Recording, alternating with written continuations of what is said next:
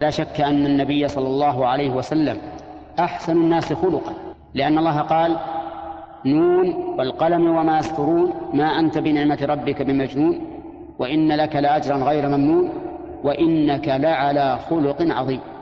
فأعظم الناس خلقا وأحسن الناس خلقا رسول الله صلى الله عليه وسلم ولهذا كان يعود أصحابه ويزورهم ويسلم عليهم حتى إنه يمر بالصبيان الصبيان الصغار فيسلم عليهم صلوات الله وسلامه عليه.